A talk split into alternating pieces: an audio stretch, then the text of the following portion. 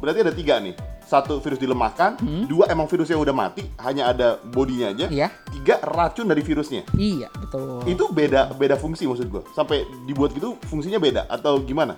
Sebenarnya sih tergantung eh, sebenarnya sih sama aja sih, Bu. Tapi ya memang ada beberapa eh, vaksin. Contohnya misalnya lu pasti pernah dapat vaksin polio, Hmm. ya kan? hmm. Nah, vaksin polio itu kan ada yang ditetesin. Lu lu, lu ingat gak ditetesin apa disuntik?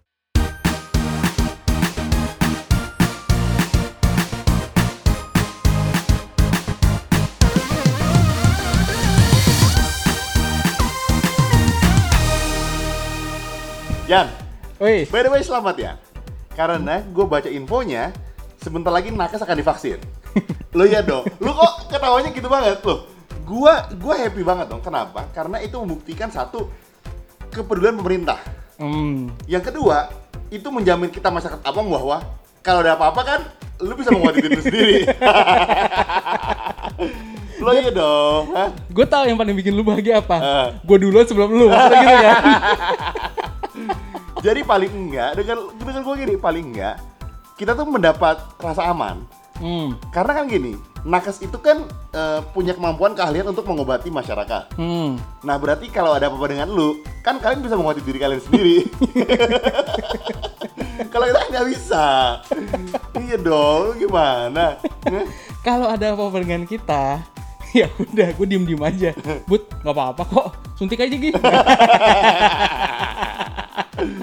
Teman-teman, jadi hari ini kita akan bahas khusus tentang vaksin.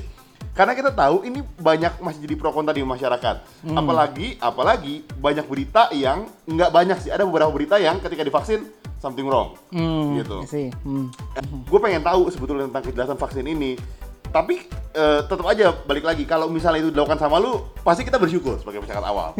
itu aja maksud gue. Gue mau bilang bahwa thank you banget pemerintah udah care sama kita di tahun 2021 ini dan lu akan eh, apa menjamin kesehatan masyarakatnya gitu dong.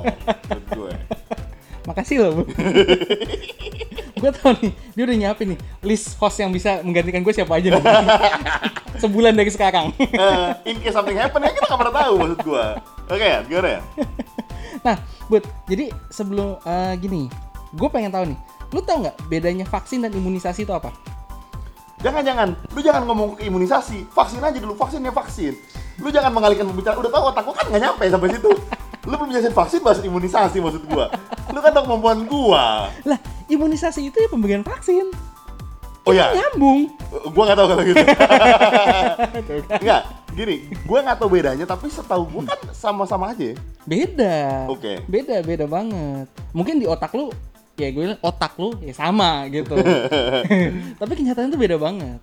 Bukan Oke. beda sih, nggak nggak beda banget juga sih sebenarnya. Cuman itu eh, gini, imunisasi adalah proses untuk memberikan imun terhadap tubuh seseorang. Hmm. Vaksin adalah caranya. Mudah nggak, Bu?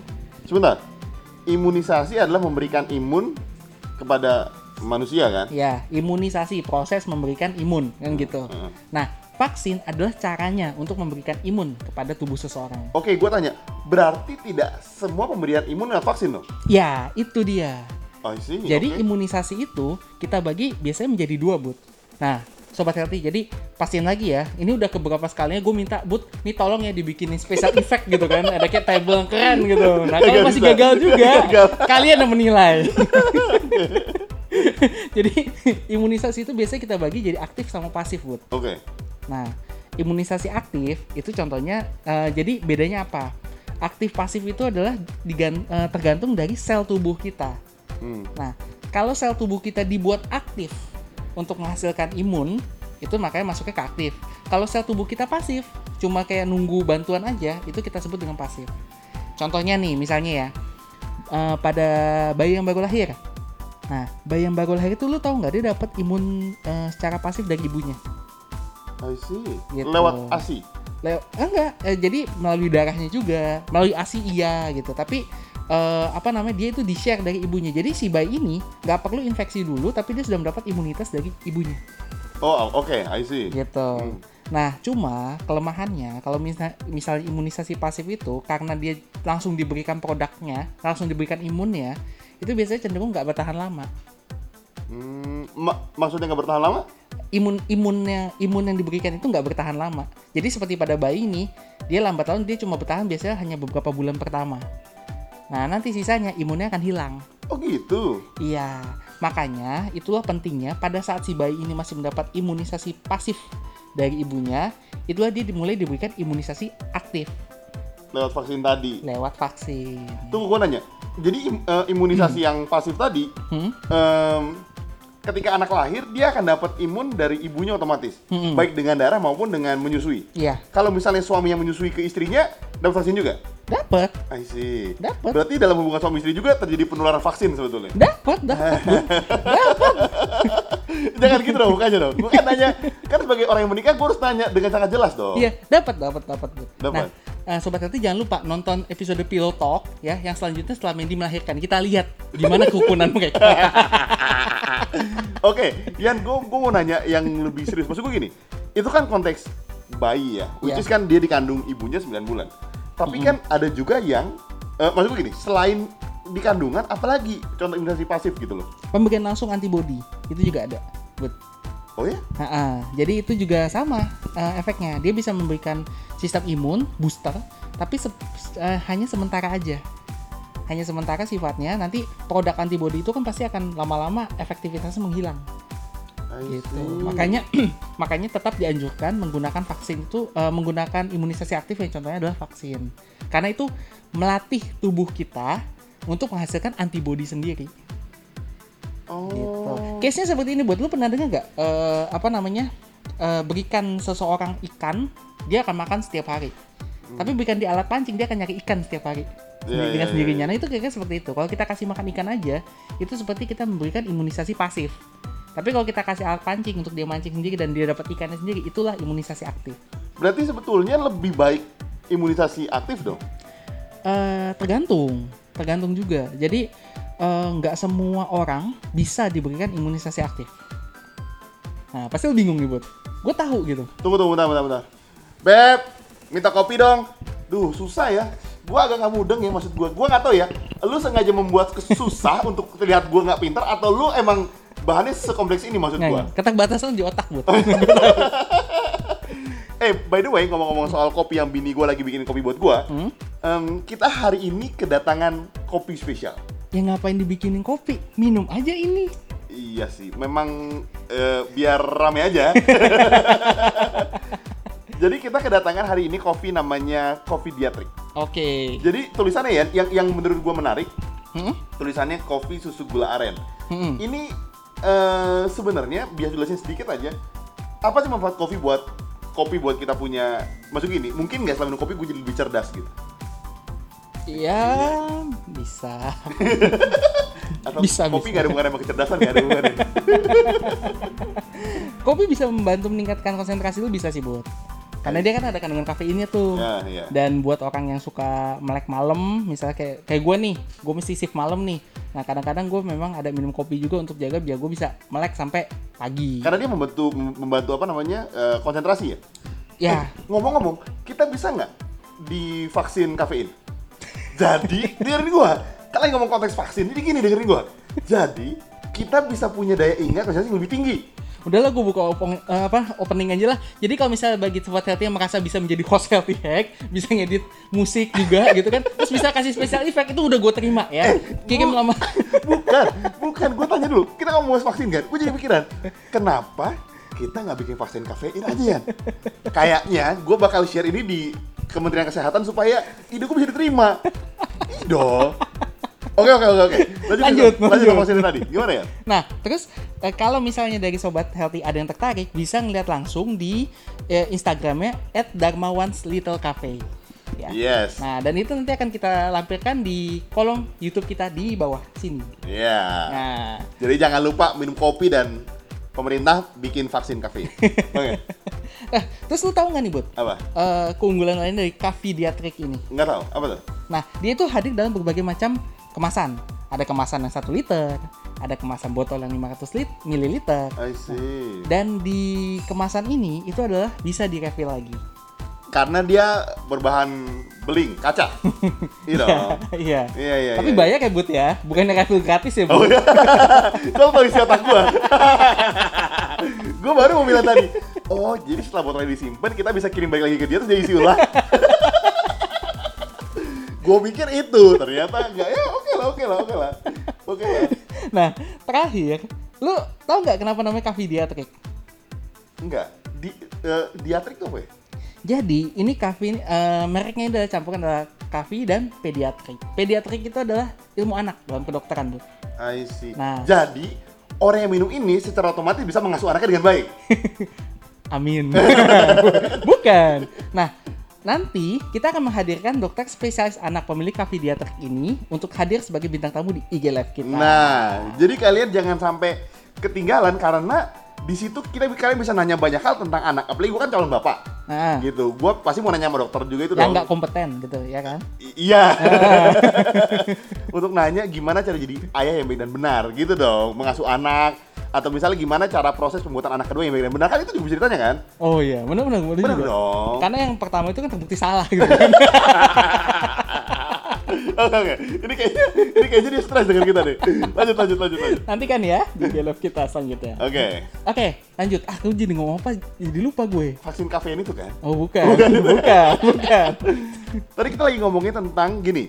em, kan eh, vaksin sama imunisasi beda. Mm-mm. Ada yang pasif, ada yang aktif. Mm-mm. Kalau yang pasif itu kan dari orang tuanya langsung. Mm-mm. Nah, yang aktif itu kan disuntikan dan kalau disuntikan mereka dan tanda kutip seperti dikasih pancingan nyari ikan sendiri. Mm-mm. Menurut gua lebih bagus Mm-mm. gitu. Tapi nggak semua bisa. dan nggak tapi nggak semua bisa. Kenapa Nah. nggak semua bisa pertanyaan gua? Nah, ada beberapa orang yang dalam kondisi tubuh yang sangat lemah sehingga dia tidak akan bisa mengha- jadi gini. vaksin itu kan lu tau gak sih vaksin itu apa sebenarnya? Eh, kuman yang dilemahkan. Nah, gitu. kuman yang dilemahkan. Jadi ada beberapa orang dengan golongan tertentu yang memiliki kelem- eh, sistem imun yang sangat lemah sehingga dia tidak bisa bahkan untuk melawan si virus yang udah dilemahkan aja nggak bisa. Contohnya misalnya pada penderita HIV.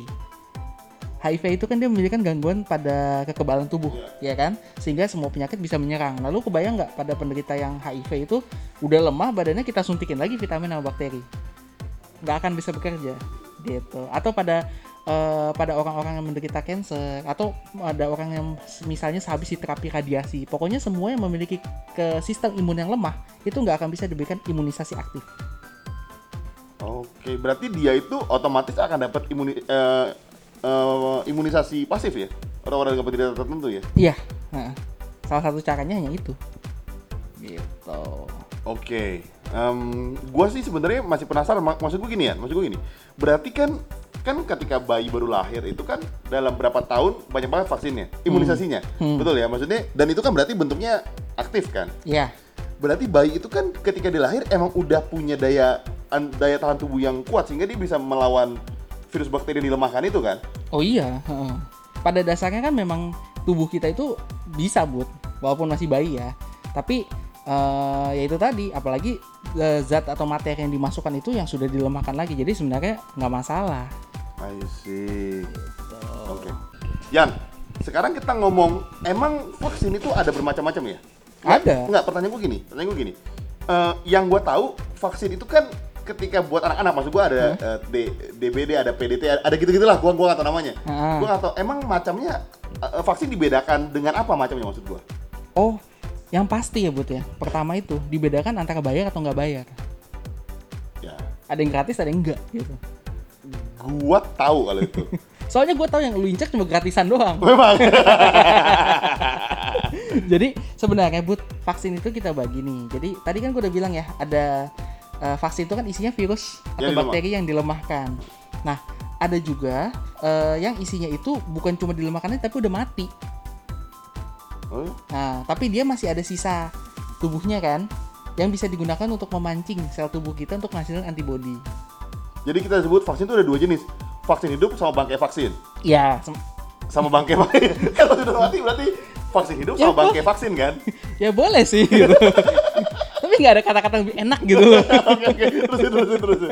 Terusin terusin. Nah, ada juga eh, vaksin yang dibuat itu dari racun. Racun dari bakteri yang dikeluarkan. Ngerti nggak? Jadi, bakteri itu mengeluarkan racun. Nah, racun itu yang digunakan untuk merangsang sel tubuh kita menghasilkan antibodi. Oke. Gitu. Berarti ada tiga nih. Satu virus dilemahkan, dua emang virusnya udah mati, hanya ada bodinya aja. Hmm. Iya. Tiga racun dari virusnya. Iya, betul. Itu beda beda fungsi maksud gua. Sampai dibuat gitu fungsinya beda atau gimana? Sebenarnya sih tergantung eh, sebenarnya sih sama aja sih, Bu. Tapi em- memang ada beberapa eh, vaksin. Contohnya misalnya lu pasti pernah dapat vaksin polio, Hmm. Ya kan? hmm. Nah, vaksin polio itu kan ada yang ditetesin. Lu lu, lu ingat gak ditetesin apa disuntik? Eh, lu lu pikir ya, gua mana ingat waktu gua divaksin polio tuh 2 3 tahun atau tahun. Lu pikir dia nggak mikir logikanya. Mana mungkin gua ingat waktu gua divaksin polio. Eh, gua aja inget. Ka- kapan du- eh SD ya? Bukan itu setahun dua tahun. ya? Gua aja inget waktu gua ngasih vaksin polio ke pasien gue. Ah, lu kan inget. gua aja mana inget dari vaksin polio. Eh, gua tanya, umur berapa divaksin polio biasanya? kacau, juga dia nih. Lu gimana sih? Oke, wah marah juga nih dia nih. Jadi vaksin polio itu contohnya nih, ya, dia ada dua macam, Bud. Hmm. Jadi kalau misalnya yang kuman yang masih aktif dan masih hidup, itu biasanya diberikan dengan cara ditetes. Oke, Nah, tapi ada juga yang disuntik. Nah, itu biasanya pada kuman polio yang sudah mati. Gitu. enggak maksud gua apa apa jadi consideration dokter untuk memberikan yang hidup atau yang mati gitu maksud gua. nggak ada sih sebenarnya. Itu jadi biasanya pada beda-beda eh, apa namanya beda organisme, beda tu, eh, beda ini untuk vaksin eh, ini untuk vaksin penyakit apa, ini vaksin penyakit apa, ini bisanya dibikin dalam cara apa seperti itu. Hmm, jadi sebetulnya sebetulnya gini. Baik, eh, berarti tadi tadi tadi eh, kita ulang. Selama dia masih dalam kurun kurun vaksin aktif, itu sebenarnya efek yang ditimbulkan cara kerja dan juga keuntungan kerugiannya itu sebenarnya hampir sama. Oh, I see. Gitu maksud gue. Terus berarti gini sebenarnya kan. Berarti kalau misalnya kan orang suka bilang gini, ini di di mama suka begini. Jangan vaksin itu deh. Habis vaksin itu anakku panas, nangis mulu rewel. Berarti itu emang kondisi normal karena kan virusnya lagi bekerja. Normal, Berarti, normal. berarti sebenarnya yang memang kondisi normal adalah ketika anak itu disuntik eh, vaksin, diimunisasi, dia emang akan sumeng-sumeng dikit, panas-panas dikit karena emang itu implikasi yang seharusnya terjadi kan. Ya, itu itu yang disebut dengan KIPI, Bud. Hmm, Apa tuh? Jangan sok-sok dokter gitu. Bahasa Indonesia aja yang biasa aja. KIPI yang biasa kita nonton. TV itu. KIPI itu adalah kejadian ikutan pasca imunisasi. KIPI. Oh, jelek juga ya. Kejadian ikutan pasca imunisasi agak-agak buruk ya. Tapi gue nggak ngarang, ada. Nah, itu jadi ya bisa kita bilang efek samping lah, efek samping dari bekas pemberian vaksin. Ya seperti kata lu nih, bisa demam ya. Kalau misalnya pada anak kecil ya, kalau demam badannya nggak enak jadi rewel. Mungkin eh, apa namanya? Sebenarnya kalau dia bisa bilang ada ini apa eh, mialgia mialgia itu rasa badan nggak enak rasanya pegel-pegel dan mungkin pada bekas pemberian suntikan itu bisa terjadi reaksi peradangan lokal merah, bengkak atau agak sakit yang biasanya bisa hilang dengan kompres. Tapi kipi itu seharusnya adalah kejadian yang ringan. Iya sih. Nah, dan ini sifatnya itu paling dalam waktu beberapa hari juga akan hilang. Ah, Gitu. Lu ngomong gini gue tiba-tiba kebayang eh, lu suka nonton Hollywood nggak? Eh, suka. Orang disuntik jadi monster itu berarti salah vaksin ya? jadi suntik dia jadi monster gitu kan kan banyak gitu tuh kejadian tuh. Apa itu berarti vaksin juga ya? Sekarang nggak monster lagi mainan zombie sekarang. Enggak, gua gua kasih tau lu kenapa gua bahas soal tadi disuntik Hmm. gitu. Karena kita tahu banyak mitos yang berkembang di masyarakat. Nah, itu dia. Iya kan, terutama emang tidak pernah sih ada orang bilang gini, eh jangan suntik, misalnya meningitis, anakku jadi vampir ya nggak ada memang. Tapi maksud gue begini, maksud gue begini, banyak banget nyokap gue selalu bilang, buat nanti anak nggak boleh suntik yang otak ya, peradangan selaput, peradangan otak gitu, Hmm. karena disuntik itu jadi idiot gitu, mak gue bilang. Temennya ada yang, woi, woi, woi, woi, woi, bukan anak gue ntar, woi, gue lagi nggak idiot idiot banget, woi, gila lo. Tadi gue nggak percaya sama hoax loh. Ternyata ada bukti hidup gue. eh tunggu jadi nyokap gue bilang iya disuntik meningitis jadi terbelakang jadi eh, cacat mental terus dia bilang gini kalau kamu nggak percaya ada teman mama yang anaknya cacat mental maksudnya terkena Oh. mental maksud gue itu kan dilihat orang tua bukti konkret ya Iya, iya. gitu ya yang pasti gue percaya gue daripada percaya lu kan percaya nyokap gue dong maksud gue tapi gue mau tahu sebenarnya sebelum kita masuk eh, mit hoaxnya Hmm. yang ada nggak yang lu tahu vaksin yang menyebabkan kegagalan maksud gue pernah disuntikin Hmm. dan emang itu gagal di masyarakat Mm-mm. pernah tahu nggak ada vaksin itu Kalau itu sih terus terang gue belum tahu ya, Bud ya. Hmm. Maksudnya, jadi gini, kegagalan dalam arti vaksinnya itu nggak efektif, itu mungkin bisa. Gitu. Kalau nggak salah dulu tuh pernah dikembangkan pada saat lagi wabah-wabah ini loh, apa namanya? Black Death. Tahu nggak? tahu. Yang di Amerika ya? Eh, eh, Eropa, Eropa dong, Eropa, dong. Yang, yang Eropa, itu ha. kematian massal sekali kan. Ya, nah itu pernah itu di- mereka mengembangkan vaksin dan kelihatannya eh tapi masih dipertanyakan sih karena waktu pada tahun itu kan tahun 1920-an ya kayaknya. Nah, itu publikasinya itu masih nggak terlalu jelas. Jadi pada saat vaksin itu dikembangkan, wabah Black Death itu juga mulai berkurang Hmm. gitu. Jadi maksudnya efektivitasnya nggak diper- masih diragukan lah. Tapi kegagalan dari vaksin itu bisa terjadi kalau misalnya dia gagal memberikan imunitas. Bukan bukannya dia menyebabkan penyakit yang lain. Mudah nggak, Bu? N- ngerti. Jadi bukan dia jadi monster mutan gitu bukan ya? Bukan. Oke. Bahkan ya itu kan di otak lu gitu kan. Nah, maaf ya, ya. nah, eh, tapi eh, kegagalan itu kita melihat eh, jarang banget suatu vaksin itu akan berani kita rilis sampai ke publik ya untuk disebarluaskan kalau misalnya eh, dari hasil penelitian itu eh, menunjukkan efek samping yang berbahaya. Gitu. Kegagalan vaksin berarti ya cuman dia nggak efektif. I see. Gua tanya sama lu, em, lebih detail ya. Hmm. Berarti pandangan lu tentang berita-berita di luar sana Hmm. yang bilang ketika mereka disuntik something happen, menurut lu gimana maksud gua? Nah, not a chance. Jadi kalau menurut gue itu eh, nggak ada hubungan. Jadi banyak banget nih. Contohnya misalnya vaksin eh, yang paling kalau misalnya lu searching ya, nyebabin penyakit itu vaksin menyebabkan autis. Iya iya iya ya, iya. iya, iya. hubungan antara vaksin dan autis itu sebenarnya nggak ada gitu. Bukan karena lu pemberian vaksin lu jadi autis. Gitu. Emang udah bego aja dari dulu gitu maksudnya. autis itu kan sebenarnya karena gen- gen- genetik kan, Bu. Iya iya iya. gitu jadi eh, misalnya ya misalnya eh, lu baru lahir nih tanda autis nggak kelihatan nah tetap lu tetap memberikan regimen vaksin seperti biasa gitu terus nanti selama perkembangan anaknya mulai menunjukkan tanda ke arah autis terus dinyalainnya vaksinnya gitu padahal Oh. memang mungkin kalau nggak divaksin tetap aja dengan autis karena itu kan faktornya udah genetik gitu Oke, oke, that's make sense. Apa implikasinya kalau misalnya orang itu nggak divaksin? Maksud gua, apakah berimpact buruk sama dia? Lu ngerti maksud gua? Misalnya gini, gua, gua menolak vaksin polio misalnya. ya gue ngerti Apakah gua lu, masih polio gitu? lu berandai-andai kalau lu nggak divaksin yang kadang otak itu kan Apakah gua jadi begini? apakah aku bisa menjadi pribadi yang lain gimana, gimana, gimana? Jadi kalau misalnya seseorang nggak divaksin, otomatis yang paling paling simpel jawabannya adalah dia akan jadi rentan terhadap serangan penyakit yang tidak divaksin. Enggak. Misalnya, Oh, Oke. misalnya gini, dia nggak divaksin polio, ya dia akan rentan terkena polio. Nggak maksud gua kan antibodi dia akan bisa melawan polio dengan sendirinya. Maksud gua gini, kan manusia itu kan punya antibodi kan? Iya. Maksud gua, apakah antibodinya nggak bisa melawan kuman itu sendiri maksud gua? Nah, vaksin itu secara biasanya buat eh gini, lu tahu berapa penyakit di dalam di di eh, apa namanya eh, yang lu tahu penyakit itu ada berapa? Banyak banget lah. Ratusan kan, ribuan mungkin ya. ribuan, nah. Kalau misal otak lu lebih bagus lagi jutaan sebenarnya gitu. Otak gua nggak nyampe. ya makanya ribuan gitu kan. Nah, tapi lu pernah tercetus gak kenapa nggak semua penyakit dibikin vaksin nih? itu dia. Nggak, Ah. itu pertanyaan gua. Lu bayangin ya, kalau kita bisa dibikin batuk pilek kan kita nggak ada batuk pilek. Nah, Maksud gua, iya benar. Itu pikiran gua. Kenapa bang? lu mau bayar nggak? Nggak tahu. Oke. Karena sebenarnya jadi vaksin itu ditujukan pada eh, dibuat dengan tujuan khusus, Bro. Contohnya misalnya ya pada saat kondisi pandemi ini ya kita buat vaksin agar memutus penularannya. Ya syukur-syukur mengeradikasi Covid dari muka bumi gitu. Nah, eh, yang kedua itu biasanya adalah kita targetkan untuk golongan tertentu yang memang kondisinya lemah. Anak-anak, orang tua. Jadi kan anak baru lahir divaksin. Terus lu tahu mungkin vaksin flu tahunan yang diperuntukkan biasanya pada orang tua nih digembor-gemborin. Ada. Nah, jadi oh, pada orang usia tua itu kan eh, karena daya tahan tubuhnya melemah, influenza biasa aja yang biasanya buat kita cuma ah ya udahlah istirahat juga hilang gitu. Kadang-kadang bisa mematikan pada orang tua. Makanya lebih gencar diberikan vaksinnya. Gitu. Nah, yang ketiga, untuk memutus eh, mengantisipasi eh, penyakit yang mungkin terjadi eh, misalnya gini, pada peserta haji Nah, itu kan vaksinnya dilakukan macam-macam kan. Kenapa?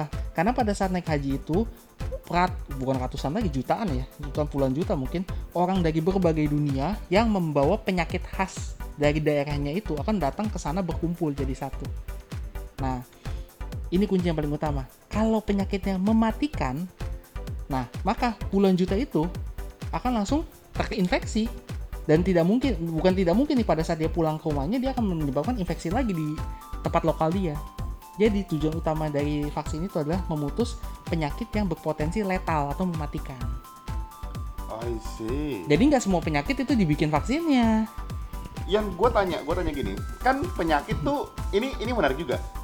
Vaksin itu kan hanya untuk eh, vaksin itu kan isinya virus atau kuman bakteri yang dilemahkan. Hmm? Berarti pada dasarnya semua penyakit yang berawal yang disebabkan virus bisa dibuat vaksin nih. Sebenarnya kalau misalnya itu mungkin bisa. Iya kan? Iya. gitu kan? Maksud gua misalnya apa lagi ya? Gua gua gua jadi penasaran. Apa em, influenza batuk pilek kan virus sebetulnya. Tapi Hmm. kita nggak buat karena kan sifatnya tidak mematikan. Gitu gitu kan sebetulnya. Influenza ada, vaksin influenza. Eh? Ada. Lu nggak tahu bet? Nggak tahu. Vaksin influenza ada dan tapi vaksin influenza itu sifatnya itu harus diperbarui tiap tahun, Kalau kita pakai itu kita jadi kagak kena influenza lagi. mengurangi. Jadi eh, gini, eh, influenza itu adalah penyakit ah gini deh, influenza tuh pilek, Ya ya ya ya. ya kan? Hmm. Nah, tapi penyebab pileknya banyak. Bisa karena virus, bisa karena kuman. Virusnya sendiri banyak, bisa karena virus A, virus B, virus C, virus D, virus E gitu. Hmm. Vaksin yang dikasih ke lo itu nanti bisa mengcover virus A sampai virus O misalnya. Hmm. Tapi kalau misalnya lu kena infeksi virus P, kan nggak bisa. Nah, itulah gunanya juga tiap tahun kenapa dibikin karena itu untuk diperbarui lagi. Jadi kayak semacam diupdate gitu loh tubuh lo. Update software gitu. gitu. Iya, jadi untuk bisa menangkal virus lebih banyak lagi. Ay, tapi kayaknya jarang orang yang eh, itu virus influenza ya. Banyak, Banyak? banyak, banyak, dan terutama biasanya pada orang tua. Kalau di luar negeri ya, itu itu wajib kalau di luar negeri. Kalau di sini mungkin ya karena mungkin orangnya juga kayak lu mas- masih yang nggak aware gitu, Iya. bahkan nggak tahu ada vaksinnya. Dan pelit gitu kan. oh itu nomor satu gitu kan. dari lu ya, Ah, Ada, see. gitu. Dan itu biasanya dilakukan tiap tahun, harus diupdate tiap tahun. Oh. Tipes aja ada vaksinnya. Iya, gua gua tahu kan ada ada apa D, DPTA apalah gitu-gitu. Pokoknya gua tahu ada banyak banyak waktu kecil tuh banyak banget vaksinnya. Maksud gua eh, cacar, campak kayak gitu-gitu kan. Nah, ya. Terus gua gua gua tanya gini, gua tanya gini. Em, ini pertanyaan awam gua ya, pertanyaan awam gua ya. Maksud gua gini. Setelah divaksin Kapan kan pertanyaan lu profesional? Iya, gue emang awam semua sih. Enggak, gini, gini, gini. Set- ka- karena gini ya, vaksin itu memang pro kontra. Gue harus meluruskan banyak mitos di masyarakat. Heeh. Karena ini berkembang. Maksud gue gini, setelah ini logika awam ya. Misalnya lu kena influenza, Iya, berarti kan lu tubuh lu mem- membentuk antibodinya kan. iya. Let's say gue nggak pernah vaksin influenza, Hmm. tubuh gue membentuk antibodi melawan influenza. Hmm. Berarti berarti tanda kutip, gue kan sudah punya antibodinya tanpa gue imunisasi influenza. Betul, Iya dong. betul. Berarti lo- logik logikanya gue tidak perlu vaksin influenza sebetulnya. Nah, sekali lagi yang gue bilang, vaksin influenza itu kan bisa mengkapar virus dari A sampai O misalnya. Lu itu baru sembuh dari A, oke lah, lu imun Berarti terhadap gue A. gua, gua harus kena A sampai Z gitu kan untuk bisa imun semua. Nah, begitu lu selesai sampai Z, keluar strain baru lagi, ZA, ZB, ZC. iya toh, lu tau, corona aja lu tahu kan, ini lagi Iya, gelombang kedua kan, Iya, karena iya. strainnya mulai bermutasi gitu. Iya. Ini cuma hitungan bulan Bulan. Nah. gitu. Nah, lu kebayang nggak kalau hitungan tahun? Oh. Itu jadi kenapa eh, vaksin yang virus itu tetap harus diupdate tiap tahun. I see. Gitu. Atau jangan-jangan sebenarnya demam berdarah polio juga berubah eh, ininya, maksudnya penyakitnya berubah gitu. Mungkin ya, tapi syukur syukur syukur nih eh, kalau misalnya untuk polio kan sampai saat ini sudah dinyatakan tidak ada penyakitnya. Oh gitu ya? Udah, dan semua itu berkat imunisasi yang baik. Oh. Kalau nggak salah di Indonesia itu sudah dinyatakan nggak ada dari tahun 94 ya. 94 apa? Iya 94 nggak salah. Polio tuh yang kakinya bentuknya itu kan, XO gitu kan. itu rakitis. Polio tuh apa ya? Polio tuh salah gua. Wah, gawat juga nih. Salah nih. Polio tuh apa ya? Untung bukan gue yang ngomong. polio Polio itu lemah layu, lumpuh layu, lumpuh layu, lumpuh yang layu. yang dia ka- kakinya Jadi- melewat-lewat gitu kan? Enggak, itu kan kalau itu masalah Hmm. tulangnya. Nah, kalau ini benar-benar dia jadi eh, menyerang ototnya jadi sama sekali lumpuh, nggak bisa bergerak. Oh, Tuh. see. Nah, itu itu itu udah udah hilang itu berkat bantuan vaksinasi. Oh, karena tiba-tiba ya penyakitnya gone gitu kan nggak nggak ada yang nularin gitu kan? Iya, karena karena eh, dengan asumsi ya, semua udah diimunisasi polio ya, kumannya mau nyerang mana? Iya iya iya. Dia mau hidup di mana? Dia bisa menginfeksi siapa kan nggak ada. Gone, hilang. Gitu. Oh, I see. Menarik juga ya, menarik juga ya. Gua nggak, tapi tetap ya, tetap aja karena gua awam dan mungkin banyak mitos-mitos nenek moyang. Gua gua tetap ada merasa hal-hal yang mengerikan gitu di vaksin maksud gua. Maksud gua gini, maksud gua gini. Kan gini ya ini, eh, ketika dulu kita divaksin waktu kita kecil, Hmm, hmm. kan beda sama anak sekarang yang divaksin. lu ngerti misalnya contoh gini Hmm. kan eh, eh, nyokap gue jadi nyokap bokap gue jadi oma opa kan Ya. nah ketika dia tahu anaknya divaksin yang beda sama dulu gua Hah? dia jadi nanya kan ini banyak kan vaksin ya Gi?" gitu loh menurut mereka Maksudnya vaksin tambah banyak tahu gitu. banyak dan Ah. Kok kok nggak nggak kayak orang dulu gitu terus Iya, dia masih iya. bilang gini lah lu dulu aja sehat-sehat aja nggak divaksin sekalipun mungkin otak gua nggak cerdas itu gara-gara mungkin nggak nggak divaksin meningitis kan Bud, tapi su sumpah ya, gue gak tau loh. Gue selama ini ngatain lu kayak gitu, gitu. Gue gak tau ternyata itu menyinggung hati lu ya. gue gak enak nih, Bud. Nah, karena vaksinnya jadi sangat banyak, sehingga orang jadi sangat, ih, kok sekarang jadi banyak? Itu kan logikanya begini. Karena penyakit berkembang, virus berkembang, sehingga otomatis vaksinnya juga jadi berkembang. Iya. Jadi banyak gitu kan sebenarnya kan? Iya, gitu. Justru karena kemajuan teknologi, itu jadi eh, kita itu memiliki eh, gimana ya? Proteksi ya Hmm. dan biasanya harapan hidup yang lebih tinggi seharusnya gitu tapi ya memang kita nggak bisa aku eh, apa mesti kita akuin ya selain kemajuan teknologi itu membawa perbaikan untuk kita tapi kan juga perburukan angka polusi misalnya Iya, iya, angka iya. zat-zat kar- karsinogen yang penyebab kanker itu juga kan semakin berkembang Banyak-banyak, gitu kan. jadi eh, sebenarnya sih eh, apa namanya kalau misalnya kita bilang meningkatkan angka harapan hidup ya memang tapi ya ada juga efek sampingnya I see. Gitu. Terus terus gue gue penasaran ini kan gini ya kita tahu rumah sakit tuh beda-beda Hmm. levelnya. Maksud gue ada yang mahal banget, ada yang biasa aja, ada yang mungkin cuma di puskesmas di mana Hmm. gitu. Gue tanya lu, apa vaksin itu ada grade-nya? Let's say untuk penyakit yang sama, Hmm. vaksinnya tuh beda level gitu. Atau semua vaksin itu sama? sama sih cuma mungkin beda merek iya I see. beda merek mungkin tapi kalau misalnya untuk kan eh, efikasi efektivitas kekuatan itu sama karena kan udah ada standarisasinya Kasih tau dong yang murah yang mana? Lagi ya? Masih. ya yang murah lu gak usah vaksin masuk angin aja buka baju gitu kan tungguin gitu lu pilek kan Oh iya, terus jadi adi, muncul ya antibody-nya ya. Iya, gitu. Oke, Yan, Yo. masih soal vaksin yang murah dan mahal. Hmm. Karena gue harus tahu, maksud gue karena gue kan nyepin anak gue kan. Nah, karena lu nggak mau rugi gitu loh Iya, bisa gitu. Yan, kalau misalnya kita vaksinnya borongan lebih murah nggak? Maksud gua gini loh, maksud gua gini loh. Satu lu bayar dokter, rumah sakit, transport kan. Dia bilang gini, dok, anak saya vaksinnya sekalian aja gitu. Dari kecil langsung semua, jadi langsung. Jadi dia suntiknya banyak gitu loh maksud gue, jadi gak usah bolak-balik lagi gitu. Bisa nggak gitu menurut gua? Menurut entah lu dilempar balok sama dokternya atau begitu anak lu gede dia tahu dengan cerita lu dia yang lempar balok ke lu gitu gua. Gimana, gimana, gimana? jadi buat eh, oh ini kembali lagi ke pertanyaan lu tadi kan lu nanya nih bedanya virus yang hidup sama mati itu Ah, apa gitu kan. Jadi ada beberapa golongan virus eh sorry vaksin itu yang bisa diberikan secara bersamaan ada yang enggak. Oke. gitu. Nah vaksin yang sifatnya hidup ya yang cuma dilemahkan aja itu nggak bisa dikasih bersamaan. Harus ada jeda. Sekalipun dengan vaksin hidup yang lain. I, i- je- je- jelas justru itu. Oh, iya, iya, iya, oke, lu ngapain kasih vaksinnya sama terus-terusan makanya kalau lu lihat tabel pemberian imunisasi tabel periodik itu kan ada tuh jadwalnya. Diberikan ini diberikan ini diberikan ini gitu. Nah itu untuk mencegah pemberian vaksin yang hidup itu dalam waktu yang terlalu dekat atau secara bersamaan. Karena nggak akan efektif. Oh, gue pikir karena lu matre aja, pihak-pihak medis matre aja minta bolak-balik. Terlalu naif kayaknya gue. mereka mah nggak bakal matre bud. Gue ya nah tapi kalau misal vaksin yang berasal dari bagian tubuh yang mati atau misal berasal dari racun itu bisa diberikan secara bersamaan. Gitu. Cuman eh, efektivitasnya agak kurang. Jadi biasanya ada yang disebut dengan booster. Jadi vaksin yang cuma tinggal bagian tubuhnya itu biasa itu nggak diberikan cuma satu kali. Kalau lu ingat pasti ada vaksin lanjutan. Hmm. kayak DPT 1, DPT 2, DPT 3 Hmm. nah kayak gitu. Itu berarti sifatnya itu adalah vaksin yang mati. Karena harus diberikan beberapa kali Oh, I see. gitu tapi dia bisa dikombinasi Kalau gitu nanti gue tanya dokter, dok, vaksin mati mana aja bisa berbarengan? Masih. Kan gue udah tahu infonya. Dok, kalau kan info gue nanti vaksin ini ini ini vaksin yang mati mati nanti gue minta dokternya. Dok, saya mau request anak saya vaksinnya ini duluan ya.